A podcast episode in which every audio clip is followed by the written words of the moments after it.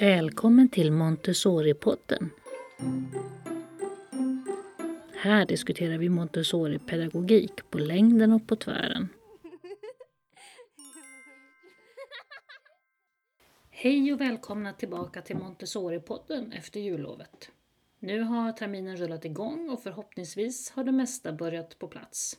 Maria Schacki heter jag och hoppas att ni har haft sköna helgdagar och kunnat vila Oavsett om ni har varit mycket lediga eller bara lite. Kanske har ni till och med hunnit med att lyssna på eh, vårt långa avsnitt med Claires föreläsning som vi släppte innan jul. Om inte, börja lyssna. Det är väl värt tiden. Idag ska ni få följa med mig och min väninna Jeanette på After Work en mörk januarikväll i Stockholm.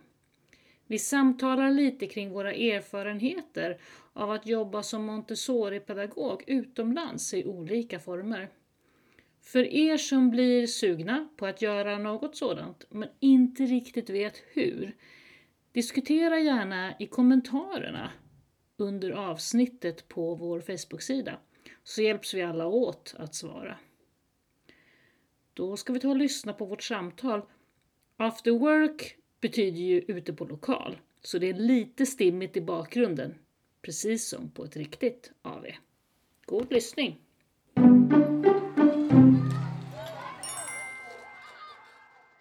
Det blir lite after work med vitt vin och semla. Mm. det är en ovanlig kombination. vi, vi kom på häromdagen att det är 25 år sedan vi eh, träffades i Montessori första gången. Visst var det så? Ja, 25 år sedan. Mm. Mm. Eh, ska vi berätta lite grann hur vi träffades? Jag jobbade på, jag jobbade på en Montessori-skola, på småbarnsavdelning, och du hade praktik. Mm. Jag hade ju läst, eh, eller jag läste ju småbarnsutbildningen i Denver i Colorado. Mm. Och, och, under den så ingår det ju då praktik och då hade jag ju lite tur att jag kunde göra min praktik i Sverige. Ja precis, annars och, hade du åkt på att göra den i annars hade, jag, annars hade jag åkt på att göra den i USA men nu hade jag lite tur så att min lärare från USA skulle åka till Sverige för att föreläsa och då kunde jag göra min praktik i så. Sverige. Och då hamnade ju vi då hamnade jag ju där du jobbade då, ja. på en förskola utanför Stockholm. Och det är 25 år sedan. Mm. Och, och det som vi tänkte vi kunde prata om lite grann nu och dela med oss av det här vad vi har tittat på framförallt utanför landets gränser sedan dess. Mm. För du, jag var även innan dess, pratade lite grann om hur det är, hur det är att jobba utomlands och utbilda sig utomlands men framförallt jobba varför alla borde göra det. Mm. Men för dig började din resa utomlands redan med din första utbildning, eller hur? Mm. Precis, jag gjorde min, min 3-6 utbildning i London mm. um, och det gjorde jag 91-92. Så, så då bestämde jag mig för att ja, jag skulle läsa Montessori och jag tittade på vad det fanns för utbildningar och jag tänkte jag ville läsa någon en bra utbildning så då hittade jag ju den, vad jag tyckte en bra utbildning i London. Mm. Då gick jag på AMI i Hampstead ett år i London eh, och det var ju en, då i alla fall en intensivutbildning som de gjorde en tvåårsutbildning som man gjorde på ett år. Därför de flesta då som ska finansiera en sån här utbildning de har svårt att befinna sig utomlands så lång tid, för det kostar ganska mycket pengar och kurserna och utbildningarna kostar ganska mycket. Så därför tryckte de ihop en tvåårsutbildning på ett år. Det låter intensivt. Vilket gör att det var en oerhört liksom, intensiv utbildning. Mm. Men och efter det så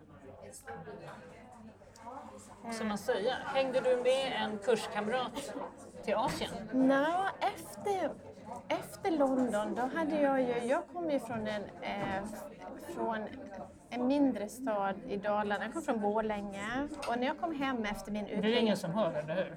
Nej. när jag kom hem efter min utbildning och kom tillbaka till Borlänge, då hade jag ju så mycket erfarenheter med mig. Jag hade ju träffat så många spännande människor från hela världen. Jag hade ju eh, träffat spännande lärare, jag hade lärt mig om Montessori, jag hade lärt mig så mycket. Så när jag kom hem till Borlänge efter utbildningen, då eh, upplevde jag att tiden stod still. Jag var liksom ung och jag var hungrig för kunskap och jag ville liksom göra saker. Så då hade jag en lärare i London som kom från Pakistan. Mm. En av lärarna på utbildningen? Ja.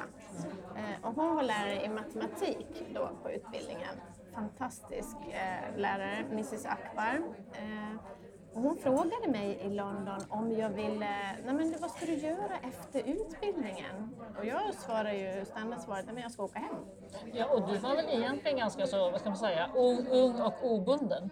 Jag var ung och jag var obunden mm. eh, och jag var fattig student. Ja. Ja, den kommer ihåg. Den har väl många befunnit sig i den åldern. Mm. Så jag tänkte, nej men jag åker ju hem. Men sen när jag kom hem och så när det tog några veckor, då tänkte jag på så här, men vänta nu, vad var det jag blev erbjuden? Jag blev erbjuden liksom ett jobb, jobba i Pakistan, åka till Karachi. Jag hade en person som, jag, som var där, som jag kände igen. Eh, som, som du hade lite förtroende för? Som jag hade jätteförtroende för, som kunde ta hand om mig lite grann. Mm. Så då ringde jag till henne och så frågade jag, Uh, hello Mrs Akbar, does the offer still stand? Och hon sa yes, you are so welcome. Om du kommer om tre veckor. Mm. Då löste jag det. Och så åkte jag till Pakistan. Jag menar, det här är ju då, vad är vi nu, 92? Ja. Och på den tiden så, det här med att göra efterforskningar på internet och kolla in recensioner på den här skolan på Facebook och sådana saker, det var ju liksom bara att tuta och köra. det var inte, alltså det fanns ju inte. Nej, det enda som, kontakten som vi hade innan, ja för det här var verkligen 92, det var att det kom ett kontrakt via någon fax. Ja, eller någon dylikt. Där det, stod, där det stod att jag skulle jobba på en, eh, en Montessori-förskola som heter White Swan Montessori. White Swan, mm. Vita svanen. Tjusigt. Um, och det stod lite tjusigt så här formulerat på engelska. Ja, jag skrev under också. Faxade jag väl iväg det där på något vis. Och då hade jag skrivit på mitt kontrakt, sen var det bara att köpa biljetterna och åka iväg. Mm. Ja. Mm. Ja, mm. fax, jag, jag, jag höll ju också på med min utlandsäventyr där några år senare, men just att det var väldigt mycket fax. Ja. Mm. Mm. Och UPS-paket och grejer. Mm. Och sen när jag, när jag då eh, köpte min biljett och eh, flög till, eh, till Pakistan så visade det sig efter en dag när jag kom dit att eh, ja, Eh, den förskolan, den finns inte än. För den ska du vara med och starta. Oj då. Mm. Mm. Den lilla detaljen har då liksom... ja, ja, precis. Det var Så... inte kom och jobba på min Montessori-skola utan kom och starta en här. Kom och starta den här. Ja, och jag var där, jag var liksom inte så erfaren och jag tänkte att nej, men jag tänkte att men okej. Okay. Ja, nej, inte så erfaren. Du jag är var, ju du, här. Du var ju inte ens 20. Nej. Nej. Jag hade jobbat lite innan jag åkte, åkte till London, men liksom så mycket erfarenhet hade jag ju inte. Men då tänkte jag, men nu är jag ju här så nu är det bara att tuta och köra. Så mm. då gjorde vi det. Hittade lokaler, skolade in barn. Um, jag bodde på skolan, eh, lite som lärarna gjorde förr. Man bodde mm. i sitt lilla rum på skolan, så jag hade mitt sovrum bredvid klassrummet. Eh, på morgonen innan barnen kom. Lite jungfrukammare ja. liksom. Ja, på morgonen innan barnen kom, då gick jag runt där med min dammtrasa, fixade övningarna, fixade i köket, gjorde lite morgonte. Eh, så jag levde liksom på, ja. på den där lilla skolan. Mitt ute på landsbygden i Pakistan? Ja, nej, det här var i Karachi. Okej, okay, så det var i, liksom, ja, det här var i stan? Det var i stan, ja. Mm. Mm. Mm. Och då var du själv på barngruppen eller var hon också med? Nej, hon som, hon som man säger, ägde och liksom startade skolan, hon fanns ju med som support i bakgrunden. Mm. Mm. Men det var ju jag som stod där med, du var klasslärare liksom. med, med barnen och med verksamheten. Mm. Och då var det ju en liten detalj som man ska komma ihåg, det var ju det att jag kunde ju inte prata urdu. och barnen kunde ju inte prata engelska. Nej, nej. Mm. Men eh, på något vis så är det ju liksom, eh, det finns ju också universella språk så att jag menar, om man inte har tillgång till det språket så finns det ju ändå, barn är ju fantastiska, man kan faktiskt kommunicera ändå. Ja, framförallt yngre barn. Mm. Så det gjorde vi. Vi hankade oss fram där. Men man, man gjorde ju sina misstag och man, liksom, man fick ju testas ganska mycket och prövas på alla olika sätt och vis. Och man, man var ju man känner ju ganska, sig ganska ensam. Ja. Så det, det jag kände Och framför- återigen då för ungdomar som lyssnar. Eh, 92 så var det inte så att man kunde ha koll på via Facebook vad ko- kompisarna gjorde hemma i stan. Liksom. Nej, Nej. Man skickade inte ens mejl. nej. Nej. Hade man tur kanske man kunde ringa ett collect call när mottagaren betalade via en växel. Så det är ju en helt annan nivå på liksom vara utomlands och ensam än vad det är idag. Mm. Ja men verkligen. Där var man verkligen ensam och utlämnad. Så kanske man kunde ringa hem någon gång ibland men det kostar ju massor. Hur länge var du där? Jag var där ett halvår. Eh, och meningen var, tanken var att jag skulle vara där ett år men jag blev lite sjuk som man kan bli då. Kanske ibland när man besöker Indien eller Pakistan. Vilket gjorde att min hälsa var inte så bra där så att jag blev tvungen att åka hem för att liksom ta hand om mig. Min ambition var ju ändå att stanna ett år. Det är sånt som kan hända när man är den delen av världen. Liksom. Men ändå, jag känner idag, där man befinner sig idag och så, så den erfarenheten som jag gjorde då tillsammans med andra erfarenheter som jag gjorde senare så värdefulla därför att du, du kommer in i en annan kultur, du möter människor som du annars skulle, ald- aldrig skulle ha mött. Framförallt så utsätter du dig själv för en massa prövningar, alltså du måste liksom lära känna dig själv på ett nytt sätt. När du möter en helt annan miljö. Och, och också ta in andra referenser på vad är normalt, vad är standard, vad är... Ja. Du berättade för mig, kommer jag ihåg för många år sedan, någon historia om, om lunchlådan och, och flugor. Ja, nej, men jag tyckte väl att nej, men, nu var det behagligt väder någon gång där så då tänkte jag att nej, men då kan vi äta på verandan. Det fanns liksom en liten veranda i anslutning till förskolan där. Och svensk som man var då med sin liksom, Fint väder, ut i ja, skogen. När, och då, var det, då gällde det ju när det inte var för varmt. Men eh, så vi gick ut med våra lunchlådor och så. Och så kom det ju liksom bara tusentals flugor i en jättesvärm. Och då var det ju så också, det var bara att gå in. Det, liksom, det gick inte att äta där. Och då var det någon som sa det också så att man kan inte äta sin lunch ute med barn. Det var ett absolut no-no. Eh, och bara jag tänkte, men nu är det väl lite fint, nu kan vi väl gå ut och äta. Det här blir mysigt. men då tyckte de att men, du är jättekonstig och det var liksom att så får du inte göra, gör aldrig så igen. Nej. Eh, Du, du längtade inte direkt efter att göra det heller. Men jag lärde mig att nej, det var nog ingen bra idé. Nej, nej. nej. Mm. Och hur var det med materialet där? Köpte ni det eller hade ni någon som tillverkade eller hur gjorde ni? Nej, men det var ju så att liksom, dels är det, det var ju den ekonomiska biten. Det fanns ju inte sådana resurser som fanns på svenska förskolor Nej, på den tiden. Eh, utan där var det, man var tvungen att vara väldigt innovativ. Så vi var på containrar, vi letade möbler, vi målade om. Vi hade jättesvårt att hitta papper till barnen att rita och skriva på. Eh, för det kostar väldigt mycket pengar. Eh, Vi beställde Montessori-material från en lokal tillverkare i Karachi. Och han var ambitiös och gjorde eh, med de ritningar och skisser vi hade med oss från Ninhouse-katalogen. Men när vi sen, men när vi sen packade upp Rosa tornet, då var det lite mer som lutande tornet i Pisa. Och då var man ju tvungen, åh så kom man ju från utbildningen i London där det var liksom, det var precision, det var exakthet kvadrat och det en var kvadrat är en otroligt kvadrat. Ja. Och då visste jag inte liksom, oj, hur skulle jag ställa mig nu? Antingen så ska vi inte ha de här materialen för de är skeva och sneda allihopa. Eller också så får, jag liksom, får vi ta det vi har och så får vi göra det bästa av det, så får vi lära oss av det vi har. Ja. Och då valde jag det senare. Ehm, Och där tror jag, därifrån har jag nog med mig sådana perspektiv fortfarande idag. Liksom att livet, är, så här kan det också vara. Rosa tornet kan vara snällt. Sen är vår ambition alltid det här precisa och exakta. Men om man utgår då från att antingen ska vi inte ha det alls, då valde jag att nej, men nu har vi det här. Eh, och sen utgår vi från det helt enkelt.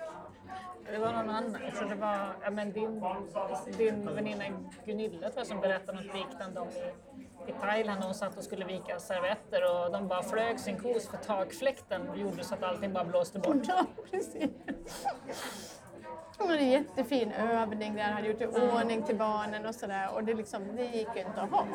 Därför att i den, i den kulturella kontexten så funkar det liksom inte. Man måste liksom anpassa sig utifrån var man är och hur det funkar och vilka förutsättningar man har. Eh, så det var bra, eh, det var bra liksom, det var bra att lära sig. Men framförallt var det också bra, jag, jag hamnade ju också där med jag fick ju gå på seminarier med fantastiska lärare, jag var, eh, fick träffa fantastiska människor men min största lärdom var väl ändå att, för sen när jag kom hem till Sverige och jobbade efter det, så var det ju så att eh, jag kommer ihåg det skulle göras beställnings, eh, eh, beställningar till förskolan som jag jobbade på då. Och då skrev man in, ja, lamineringsmaskin, vi behöver en ny, våran är lite dålig och så skulle det vara lite eh, olika saker till material till barnen. Och då kommer jag ihåg, jag hade mina perspektiv när jag hade varit på containern mm. i Karachi, mm. målat möbler för att barnen skulle ha något att sitta på. Och så kom jag till Sverige sen och skulle fylla i beställningslistor och kände liksom att eh, vilka resurser och tillgångar man hade. Och då fick jag, det flyttade mina perspektiv jättemycket. Ja, man får lite annorlunda känsla för vad som är viktigt och vad som är mm. möjligt. Man får det. Och för mig har det liksom, det varit en bra och nyttig erfarenhet. Det kan också vara lite svårt att förmedla eh, till andra, till kollegor och så, när man, när man sitter och känner och tycker att de, nu är ni ju lite too much här, då är det svårt att, när inte de har den erfarenheten så är det lite svårt att förmedla det på ett ödmjukt sätt också. Ja, det kan det ju vara och jag menar, man har ju olika erfarenheter och man har ju um, men just den här erfarenheten om, som ung, om man begav sig ut i världen, mm. så var det, nu var det ju så, nu hamnade jag i Pakistan av olika anledningar. Mm.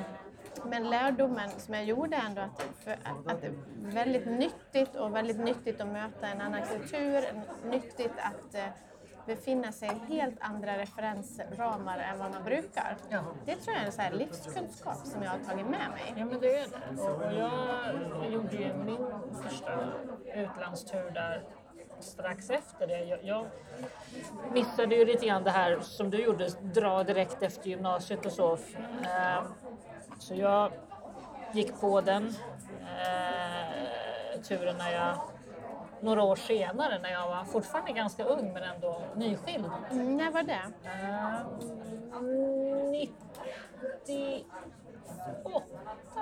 Mm. 98, 99. Mm. För då hade jag Ja, det var ju strax efter att vi hade träffats ju. Då, var ju... 95, 96 träffades vi. Precis. Mm. Så 98, 99, då hade jag nämligen gått Montessori-utbildningen i Uppsala, mm. AMI-utbildning.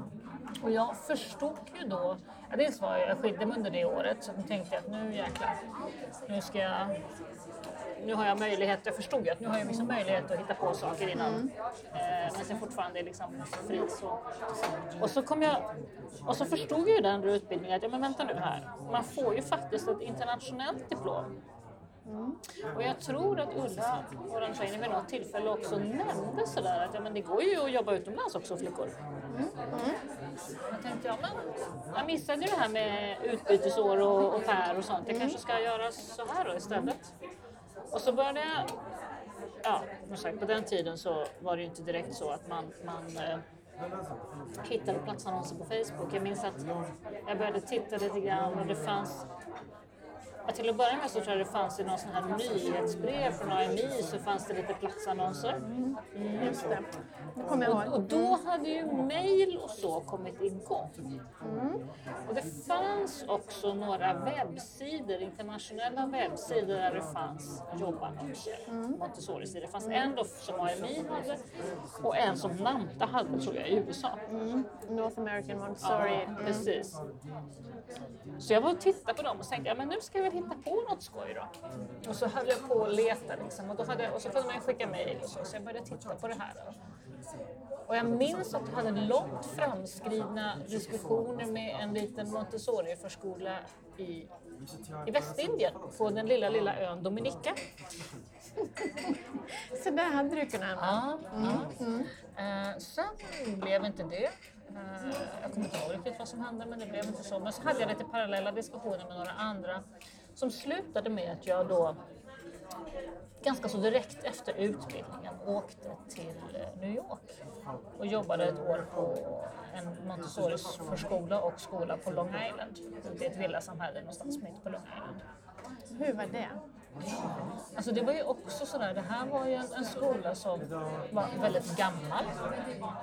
Startad av en, av en eh, gammal eh, av en gammal Montessori-lärare. Eller hon var nog inte Montessori-lärare själv egentligen, hennes dotter var det. Hon hade funnits med i Montessori-rörelsen i evigheters evigheter.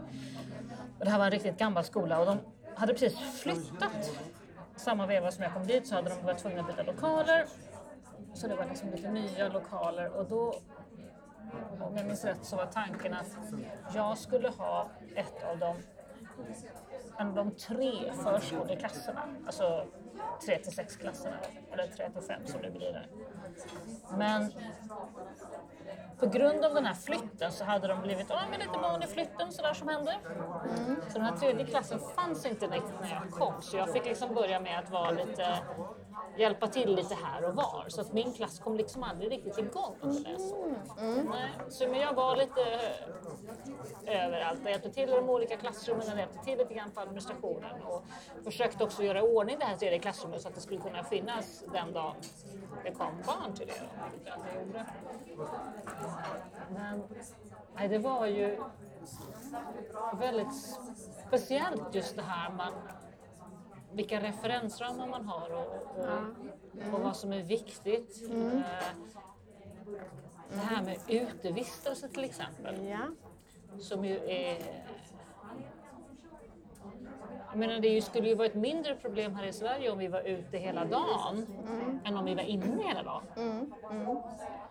Mm. Men jag kan inte minnas att vi hade någon schemalagd utevistelse alls. Nej. Faktiskt. Nej. Nej. Utan för vi, vi hade inte ens någon skolgård. Nej. Mm. Utan, eh, barnen droppades ju av då liksom på skolan, de körs fram av föräldrarna. Eller, de äldre, eller kommer med en sån här liten gul klassisk skolbuss som man ser på film, här amerikansk skolbuss. skolbuss liksom. Och jag minns att det var en av mina eh, grejer. Jag stod där på, ofta på morgonen och checkade av barnen och så och såg till att alla kom in. Eh, De droppas av där och går in. Så det är inte så här med att föräldrarna går med och lämnar in utan de treåringarna klev ur bilen liksom, hej då mamma och sen så gick de in och gick in till klassrummet liksom. Good morning. Och, eh, ja, det var jättemärkligt kommer jag ihåg att jag tyckte. Men när du säger utevistelse, för det är också så, sen eh, några år senare, eller mycket senare, runt, eh, runt år t- 2000, då jobbade jag i Bryssel. Ja, precis. Eh, och då jobbade jag i Bryssel, jag var där i tre år.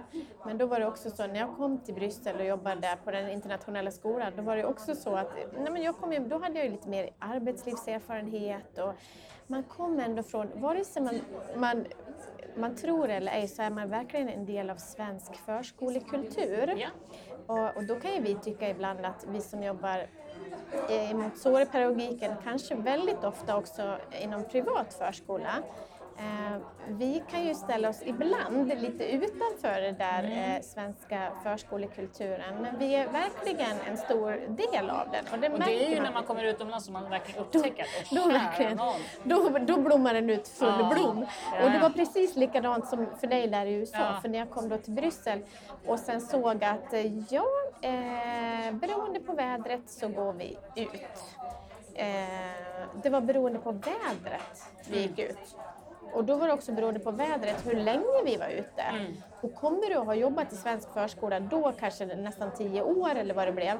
Då fick jag lätt liksom, panik inombords när jag insåg att vi kommer att vara inomhus åtta timmar eller mer var, liksom varje dag. Och regnar det går vi absolut inte ut. Nej, regn är ju livsfarligt. Ja men regn går ju inte. Och, och vi hade ju inte, jag minns att vi, vi hade ju ingen utomhusvistelse efter lunch. Utan på förskolan där efter lunch tror jag att de hade någon liten vilostund sådär. De satt väl och läste en saga eller något. Ja. Och sen var det på igen. Någon gång vet jag när det var alldeles förträffligt väder på våren som någon klasslärare liksom sa att ja, men nu, idag är det så fantastiskt väder så nu ska vi faktiskt, eh, vi, vi går ut en sväng, kan du följa med? Eh, och, så vi har en, en, en pedagog, för då fanns det liksom bredvid den här skolan på andra sidan eh, parkeringsplatsen så fanns en torftig liten lekplats och en stor gräsyta. Ja. Ja. Så då gick vi ut, 25 stycken barn. Och så, Och jag drar in stolen så. Bra kombination. så, så ja. Mm. Ja. Och jag tror det hände två gånger på ett läsår. Ja. Mm. Mm. Ja. Men det man kan tänka så, när vi pratar nu så, här, så blir det också så att ja, men, man hade inte utevistelse, man var inte ute och i mån av väder och sådär. Men mycket av det som man eh, faktiskt fick med sig, eh, mycket av det liksom jag tycker att, jag menar, och det kan jag fortfarande ibland tänka på, vilka high ambitions, high goals, vilka eh, enorma, vilken målmedvetenhet det fanns på den skolan där jag var på i Bryssel i alla fall. Otroligt höga ambitioner. Rent om man idag pratar om undervisning i läroplanen och så vidare kopplat till liksom, det är inget nytt begrepp för oss eh, Montessori som har jobbat med Montessori längre utan vi har alltid sett på våran vårt arbete som undervisning, presentations eller vad du nu vill kalla det för. Men då är det så att där kan jag tycka också att det kan vara lite bra perspektiv man har med sig när man har jobbat utomlands för det fanns otroligt höga ambitionsnivåer med till exempel språkprogram, med eh, matematik, med eh, vad man ville erbjuda barnen rent verksamhetsmässigt. Ja, och också lite grann tänker jag det här att eh, vad man har man har någon slags annan referensgram kring eh, vi fastnar ganska lätt eh, i den svenska förskolekulturen i bilden av vad som är god kvalitet. Eh, och, och när man hör de kriterierna ibland så får, kan man ju lätt tro att det finns ju ingen annan inget annat land i världen som kan ha rimlig kvalitet i förskolan därför att det finns ingen annan som har det som vi med barngruppsstorlekar och x antal lärare och så mycket ute och alltihopa. så. Men så är det ju inte. Utomlands har man ju också rätt schysst kvalitet och höga ambitioner som du säger fast man gör på ett annat sätt. Mm. Och då kan man ju lägga till, för det tycker jag brukar jag prata om ibland, bara för att skjuta till lite perspektiv, att när jag var, jobbade i Bryssel till exempel, då hade jag, i min grupp hade jag 26 barn. Ja. Jag hade en kollega som var fransktalande. Och det här var en 3-5-grupp. Det var en 3-5-grupp. Jag hade en kollega som var fransktalande. Hon pratade franska hela tiden med barnen. Jag pratade engelska och skötte den engelska delen av liksom, eh, klassrumsarbetet. Och det var vi två. Eh, och vi jobbade heltid, vi jobbade hela dagarna och hade barnen hela dagarna. Eh, och när man nämner det eh, eh, i Sverige idag, att man var två personer Ja. som jobbade med 26 barn och då hade jag 12 nationaliteter i min grupp. Ehm, och så hade jag barn som precis hade flyttat till Bryssel som inte kunde varken franska Och, eller och ni engelska. fixade mat och lunch och mellanmål och grejer Ja, och vi hade ingen eh, kökspersonal Nej. utan det var också så att eh, man gick ifrån och satt på pastan i köket. Gånger 26 barn och två vuxna. Eh, och sen så, eller liksom fixade sandwiches eller vad det nu var eh, i slutet på arbetspasset. Mm. Eh, när min kollega hade samling med 26 barn. Mm. Ehm, och sen så fixade vi lunchen. Ja. Och det var bara det man gjorde. Sen hade vi också det var också så här, vi hade också inhandling, du vet man behöver kanske köpa saker till klassrummet eller till praktiska övningar eller vad det nu kan vara. Det gjorde jag liksom efter skolan. Så mina, efter att du hade sopat klassrummet? När jag hade städat klassrummet, ja. Mm. Så att jag menar, jag brukar tänka så här, om man tänker om man ska liksom analysera eh, hur mycket man jobbar, det var ingen så 40 timmars vecka när jag jobbade där. Eh, men jag var kanske glad om jag hade 50 timmars vecka. Och då ska man lägga till att de flesta familjer som vi hade då eh, de var ju inte från Bryssel, utan de var ju från hela världen. För Bryssel är väldigt internationellt. Vilket hade att göra med att den, den skolan som jag jobbar på hade också ett socialt uppdrag. Mm. Och då är det så för att man inte har far och morföräldrar, man har inga kusiner, man har inga släktingar, då fyller skolan en väldigt viktig funktion. Så jag kommer ihåg någon fredagkväll jag stod på Dark in the Park, för vi ordnar ju aktiviteter för de här familjerna som inte hade någon. Jag stod med ficklampa i duggregnet i en park i Bryssel. Eh, för vi hade en tipspromenad som vi skulle på ett lustfyllt sätt genomföra. Och I duggregnet? med ficklampor och med ordningar. Och då tänkte jag liksom att, och då kommer jag ihåg så väl vid det tillfället, jag tänkte att ja, men, det här skulle vara Alltså när jag kommer hem ska jag komma ihåg det här. Hur jag stod och hade Dark in the Park med liksom hundra familjer en fredagkväll i en park i Bryssel. Du hamnade ju i Bryssel lite grann för att du, du, du testade att bo utomlands med en, med en man några år. Precis, så kan man också hamna utomlands. Ja, ja. Mm. Så det var anledningen till att du liksom stack utomlands den gången. Mm. Hur många år jobbade du där? Jag jobbade tre år. Mm. Uh, var det på samma skola eller på några olika? Ja, jag började med att jag jobbade i Amsterdam under en kort period. Ja, för det var egentligen till Holland du flyttade? Ja, jag flyttade till Holland. Så då, eh, då pendlade jag och jobbade i eh, jag pendlade över hela Holland ska läggas till. så, så åkte jag till Amsterdam. Det är ett litet land men det är ändå ganska långt. Det var lite långt. Det tog mig två och en halv timme från mm. dörr till dörr. Men det kan man ju göra under en kort period och då jobbade jag så att jag kunde jobba på engelska för jag var ju tvungen att se till att jag kunde jobba på engelska mm. eftersom jag inte hade lärt mig holländska då. Um, och då, uh, för mig var det så att den förskolan där jag hamnade i Amsterdam, det passade inte mig. Jag tyckte jag trivdes inte så bra där så då var jag tvungen att titta, men var kan jag då jobba? Så då liksom började jag titta på Bryssel och där fanns det ju möjligheter. Så då eh, veckopendlade jag, då jobbade jag och jobbade under veckorna i Bryssel i tre år. Ehm, och hamnade på en internationell Montessori-skola där. Och det var fantastisk lärdom, fantastisk eh, tid. Eh, och det var också så att det är så en internationell miljö så att du möter liksom lärare från hela världen, familjer från hela världen.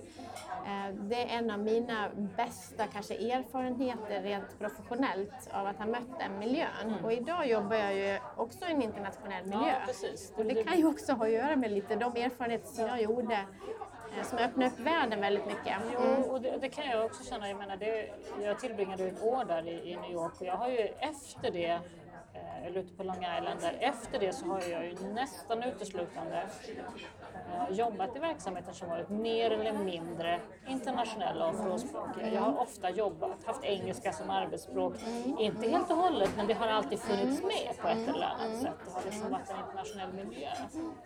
Eh, och det man märker ju ofta det, jag pratar med kollegor och så som kanske inte riktigt har den erfarenheten, att man har en ganska så helt annan förförståelse för många av våra föräldrar. Mm, mm. Som är mer eller mindre nyanlända, vare sig det är från Europa eller mm. utanför Europa. Mm. Så, så mm. har man en, en, helt annan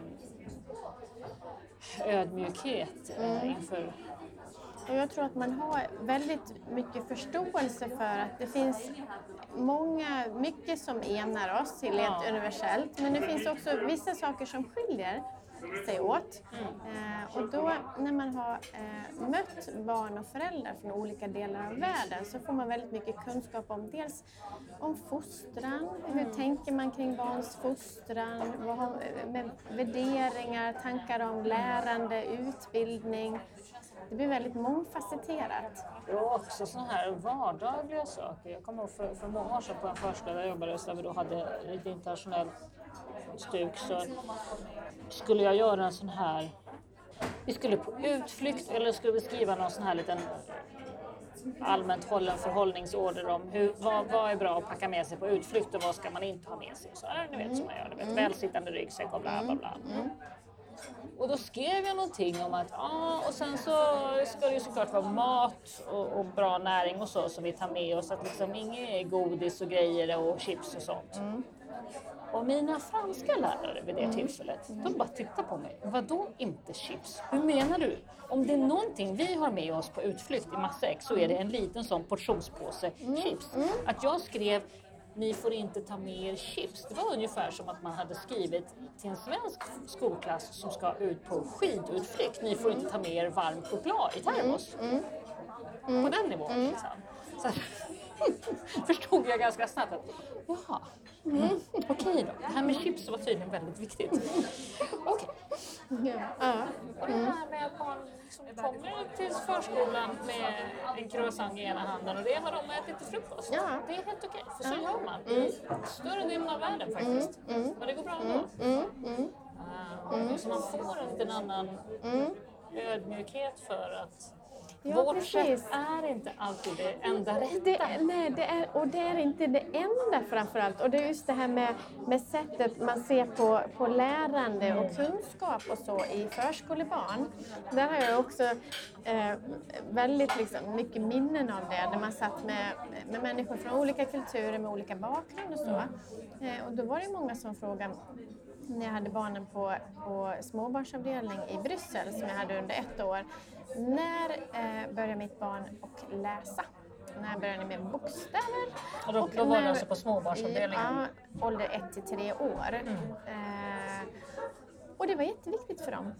Och då, när man tar med sig, flyttar de perspektiven till Sverige med den svenska läroplanen, med det svenska förhållningssättet, med de svenska intentionerna för vad vi strävar efter, så blir det ju också så att eh, ja, man kan göra lite kullerbyttor där. Ja. Eh, Helt klart.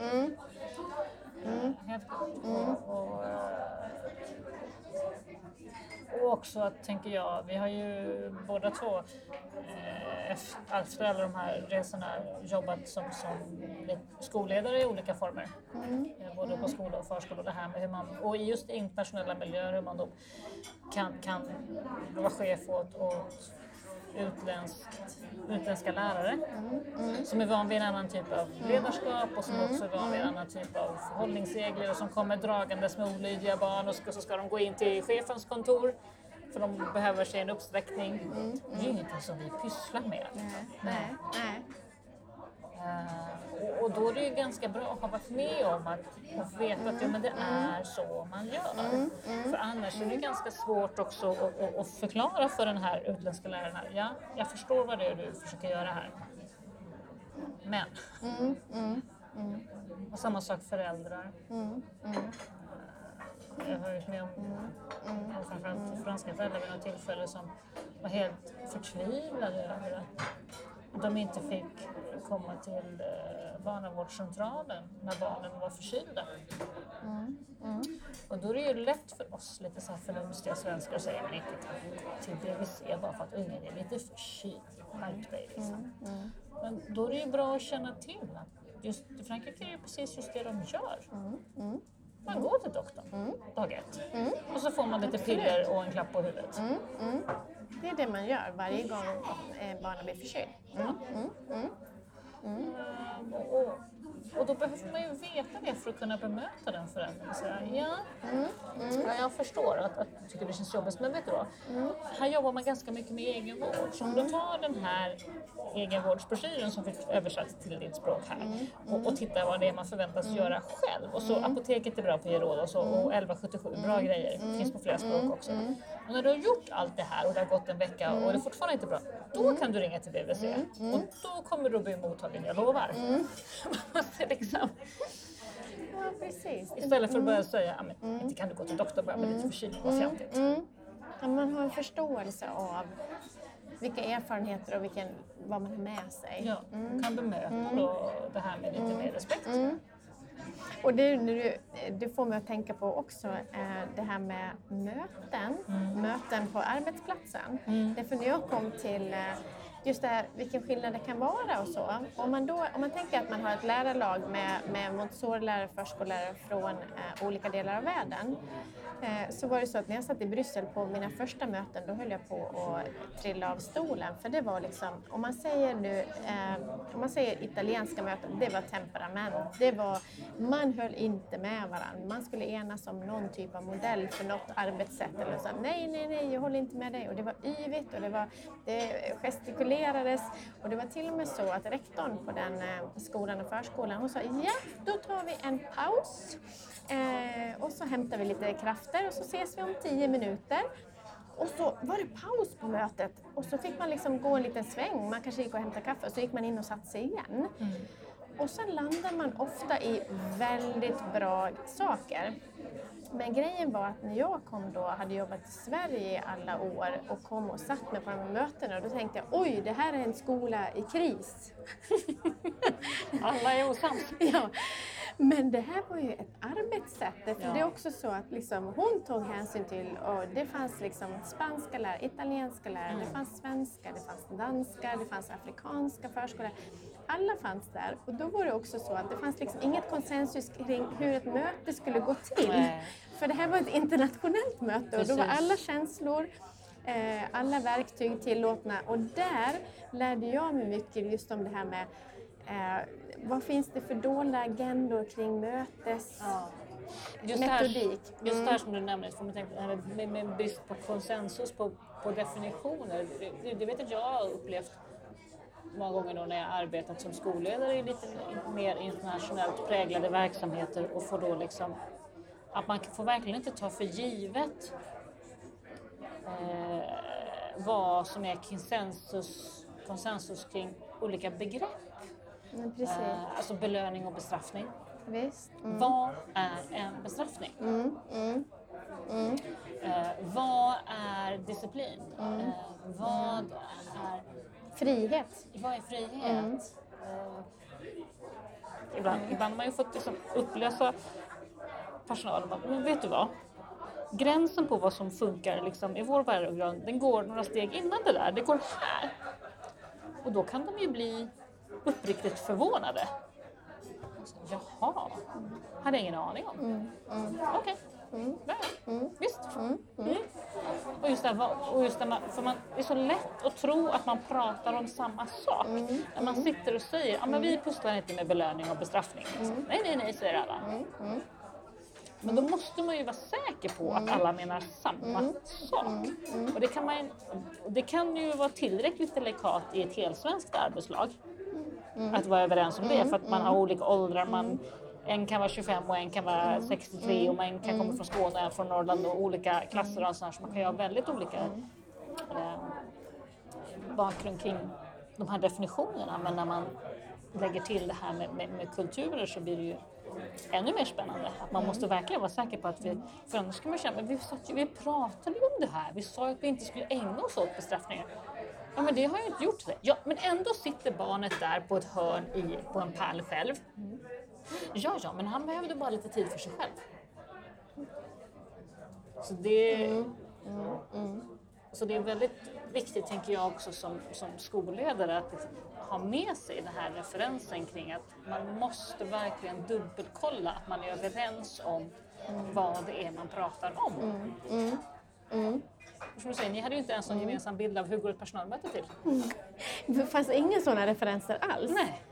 Eh, och även om det var väl genomarbetat i, men, i agenda och så vidare och liksom vad, vad syften och vi, vad vi skulle göra med mötet så var ju vägen dit var ju en rocky road. Men då var det också så att ibland kan jag, det jag lärde mig av det, det var ibland så att, då har jag till och med sagt tror jag någon gång, eh, att det saknas oss ibland den dimensionen. Nu mm. säger inte jag att det var jättebra och att man alla gånger mådde jättebra av den typen av möte.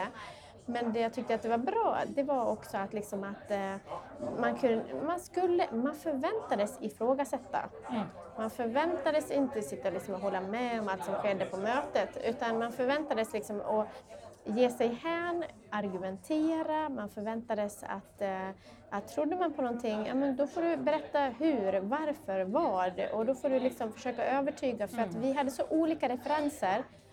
Eh, det, en, det enda som vi hade gemensamt, och det var ju eh, fantastiskt att vi hade det, vi hade ju en stark tro på vårt arbete och på Montessori-pedagogiken och på det arbetssättet. Så det liksom var ju våra gemensamma, men det var den som liksom enade oss. Men upplever du, eh, apropå då Montessori-pedagogiken, upplever du att just nyanserna och skillnaden i Montessori-pedagogiken då som du upplevt den här i Sverige och som du då har upplevt den säg, i London där du dels hade säkert praktik under din, din utbildning där, i, i Pakistan, i Bryssel, eh, du gjorde din 0-3-årsutbildning då i Denver så du såg säkert en del avdelningar där också. Hur pass homogena är Montessori-skolor världen över upplever du? Eller är de inte alls det? Nej, men jag, det, jag tycker att det är en jättebra fråga. Ehm, och sen beror det på vilka arenor man har rört sig på. Nu har det också varit så att jag, menar, jag valde ju utbildning efter Association Montessori International och då är det också så att i världen fortfarande idag så finns det ju vissa som har ett signum Ja. på det och en profil på det. Eh, det börjar ju kanske ebba ut lite något eh, av olika anledningar. Men, men jag skulle nog säga att, att eh, att, man- att, begav sig, att man har, jag har ju begett mig ut i världen och gjort liksom olika Montessori-erfarenhet. Då har jag väl sökt mig till sådana ställen som jag vet har varit, eh, har satt pedagogiken och pedagogiska profilen i första rummet. Ehm, så min egen resa som jag har gjort, det, det, då känner jag att liksom, historiskt har jag befunnit mig väldigt nära liksom, de pedagogiska vä- värderingarna hela tiden. Sen har jag gjort mina Jag har gjort andra saker också. Jag har liksom utforskat alla möjliga olika saker. Forskningsprojekt med Reggio Emilia och jag har, liksom, jag har gett mig ut på lite olika äventyr och så. Men jag har alltid hittat hem till min eh, till kärnan i mitt arbetssätt i alla fall och det jag känner att ja, men här kan jag landa för det är någonting som jag tror på och kanske ännu mer idag med den värld vi eh, befinner oss i och med det som vi ser lite framöver så kan jag tycka att att eh, jag är ändå väldigt, liksom, väldigt trygg med att Montessori-pedagogiken tycker jag fungerar väldigt bra även idag, 2020. Ja, ja. Idag är det ju, eller idag, i år är det ju fir- är det någon slags jubileumsår. Det är ju 150 år sedan Maria Montessori föddes. i år. Ja, just det. Mm. Då kommer det att ske lite internationella Ja, saker. det kommer att vara Mm, lite happenings. Det blir en, en konferens i, i Rom i oktober bland annat. Mm, Eh, Eh, och det är en sån här sak som jag kan ha känt när, dels när jag själv har jobbat i, i New York som jag jobbade där en tid och, och också nu när jag bor delvis i Italien och i Rom och ser en del skolor och så, så är det ju den här känslan av att man det är ganska lätt eh, ändå, även om det finns väldigt mycket skillnader kring hur saker och ting fungerar, så är det ändå ganska lätt när man kommer in på en förskola som Montessori-lärare. Man kan komma in och okej, där står rosa tornet, eh, där är toaletten, hur dags har ni lunch? Bra, då kör vi. Det är inte svårare än så. Sen kan det finnas en massa variationer på allt möjligt men det finns alltid någonting du känner igen och någonting du kan göra. Och, Ja. Ja, och jag tänker också att det som, det som vi fick när vi utbildade oss då, det här som du sa också att ja, men plötsligt så var det så att man fick ett internationellt diplom Ja. och jag vet ju att så fort jag fick det i handen på min diplomceremoni i London då hände någonting i huvudet på mig. Det vill säga att det här är min biljett till en möjlighet faktiskt att göra någonting utanför Sverige, få erfarenheter som jag annars aldrig skulle ha fått. Nej. Eh, testa mig själv, testa, eh, testa Montessori-pedagogiken också. Hur funkar den utanför Sverige? Och för mig var det också så, det var inte anledningen till att jag gjorde utbildningen, för det, för det eh, var andra anledningar, men det var också, en, det var också väldigt betydelsefullt att få den eh, få den biljetten till ut i världen. Och jag brukar ju säga idag när jag träffar eh, yngre personer på arbetsplatsen eh, som kanske har funderingar på att ge sig ut i världen eller liksom söka internationell erfarenhet och sådär. Då brukar jag alltid säga, men gör det. För jag säger, dels lär du dig professionellt olika saker och det är jättebra. Den erfarenheten eh, otroligt betydelsefull. Men du lär dig också väldigt mycket om dig själv. Du befinner dig på en helt annan plats med andra referenser. Och den livskunskapen, den är, tycker jag, också ovärderlig. Verkligen. Mm. Det, det, det har man ju jag kanske, det, det, som jag gjorde där i New York, jag har ju fortfarande nytta av. Och sen så formades mm. ju mitt arbetsliv ganska mycket av det sen genom att ha jobbat i den typen av miljöer efter det såklart. Men det är ju... Ja, men man får ett helt annat perspektiv som man bär med sig resten mm. av livet. Mm. Mm. Det, det, det, får man mm. verkligen. Det får man ändå säga. Ja, men det tror jag också. Jag känner fortfarande att när jag möter situationer idag i vardagen efter att ha jobbat i det blir 30 år. Mm. Då har jag ändå, ändå alltid med mig den där tacksamheten att jag har gjort det här liksom, internationella erfarenheterna. Jag har mött eh, jag har varit på andra arenor, jag har varit utanför Sverige. Jag kan fortfarande idag ändå känna att ja, men jag befinner mig i Sverige här och nu. Jag befinner mig i Stockholm i vardagen i det här kontextet. Men det finns väldigt många olika sätt att se på det här. Ja. Och det har jag nog med mig väldigt mycket tack vare mina erfarenheter utomlands. Mm. Och det tror jag hjälper mig i vardagen och hjälper mig att hantera olika saker som jag, liksom, som jag stöter på i vardagen. Ja. Eh, så med det vill vi väl ändå säga att det är bra att göra internationella erfarenheter ja. om man har möjlighet och känner att man, att man vill och kan. Och, eh... och, och, och, någonstans om man är, om man är Montessori-lärare så har man också en, och på något sätt är på väg ut i världen. Det kan vara antingen att du är på väg ut själv för att du befinner dig i en sån fas själv i livet eller att du kanske ska hänga med någon partner som medföljande. Då finns det ju stora möjligheter att faktiskt jobba och uppleva saker runt omkring i hela världen. Mm. Och det är en eh, häftig, så i alla faser i livet egentligen så finns ju den möjligheten mm. beroende på mm. var man är. Och det är det som jag också tycker är en av de här bra sakerna med Montessori, att det är liksom en international community. Ja. Och jag tror aldrig att man kan riktigt få eh, den känslan av det här internationella perspektivet eh, om man inte har den här typen av erfarenhet. Man har sett också, man har sett hur Montessori funkar på olika ställen i världen. Eh, man kan läsa väldigt mycket om vad som händer i Montessori ute i världen. Nu idag kan du ju följa olika saker via alla möjliga olika sajter och så vidare. Mm. Det kunde ju inte vi när vi var yngre. Nej, nej, Utan vi var, ju, vi, vi var ju tvungna att liksom hitta andra vägar. Mm. Uh, idag går det ju enkelt att följa liksom, de olika förskolor i hela världens mm. vardag via mm. Facebook. Ja. De lägger upp små bilder. Liksom. Ja. Helt, men att verkligen passa på att göra sådana saker ja, under vilken fas i livet man nu befinner sig. Ja. Att det är, och som du säger, den här communityn, det är, även när man är på semester någonstans och så, jag vet ju många Montessori-lärare som säger det, att det är ju väldigt enkelt som Montessori-lärare om man är på en ny plats och så mm. ser man en Montessori-förskola och mm. bara nästan ringa på och säga Hej, mm. jag är också Montessori mm. för jag kommer in och kolla lite. Och man öppnar ju dörren, eller hur? Det gör ju du också. Jag har sett ute, på, ute i byar i Thailand och, och varit och hälsat på um, personer som har jobbat med Montessori ute i byskolor.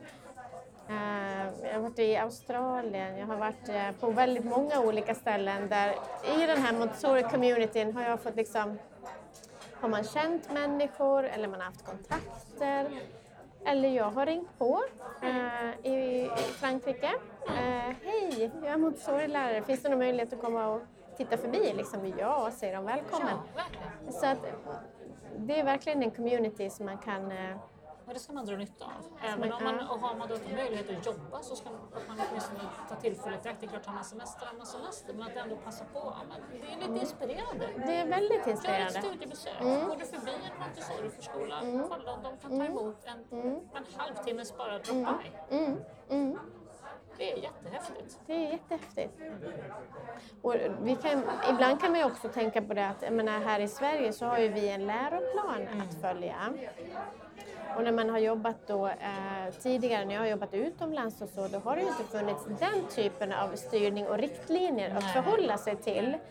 Vilket har gjort att eh, väldigt mycket av tolkningarna utifrån hur man jobbar och målsättningar och så vidare är väldigt lokal, det vill säga på den skola man befinner sig på. Eller eventuellt delstat eller vad det nu kan, Kan vara, liksom. ja, men kan vara delstat om man nu då är i USA. Inte så många sådana styrningar och riktlinjer i Karachi dock. Nej, det Men, kan jag tänka mig. ja, men då är det liksom, för då är det helt, då utgår det helt från Montessori-pedagogiken. Vi har ju då kanske Montessori-pedagogiken som vår profil och sen har vi ju alltid läroplanen med oss i bakfickan och vi förhåller oss alltid till de styrdokument som vi har.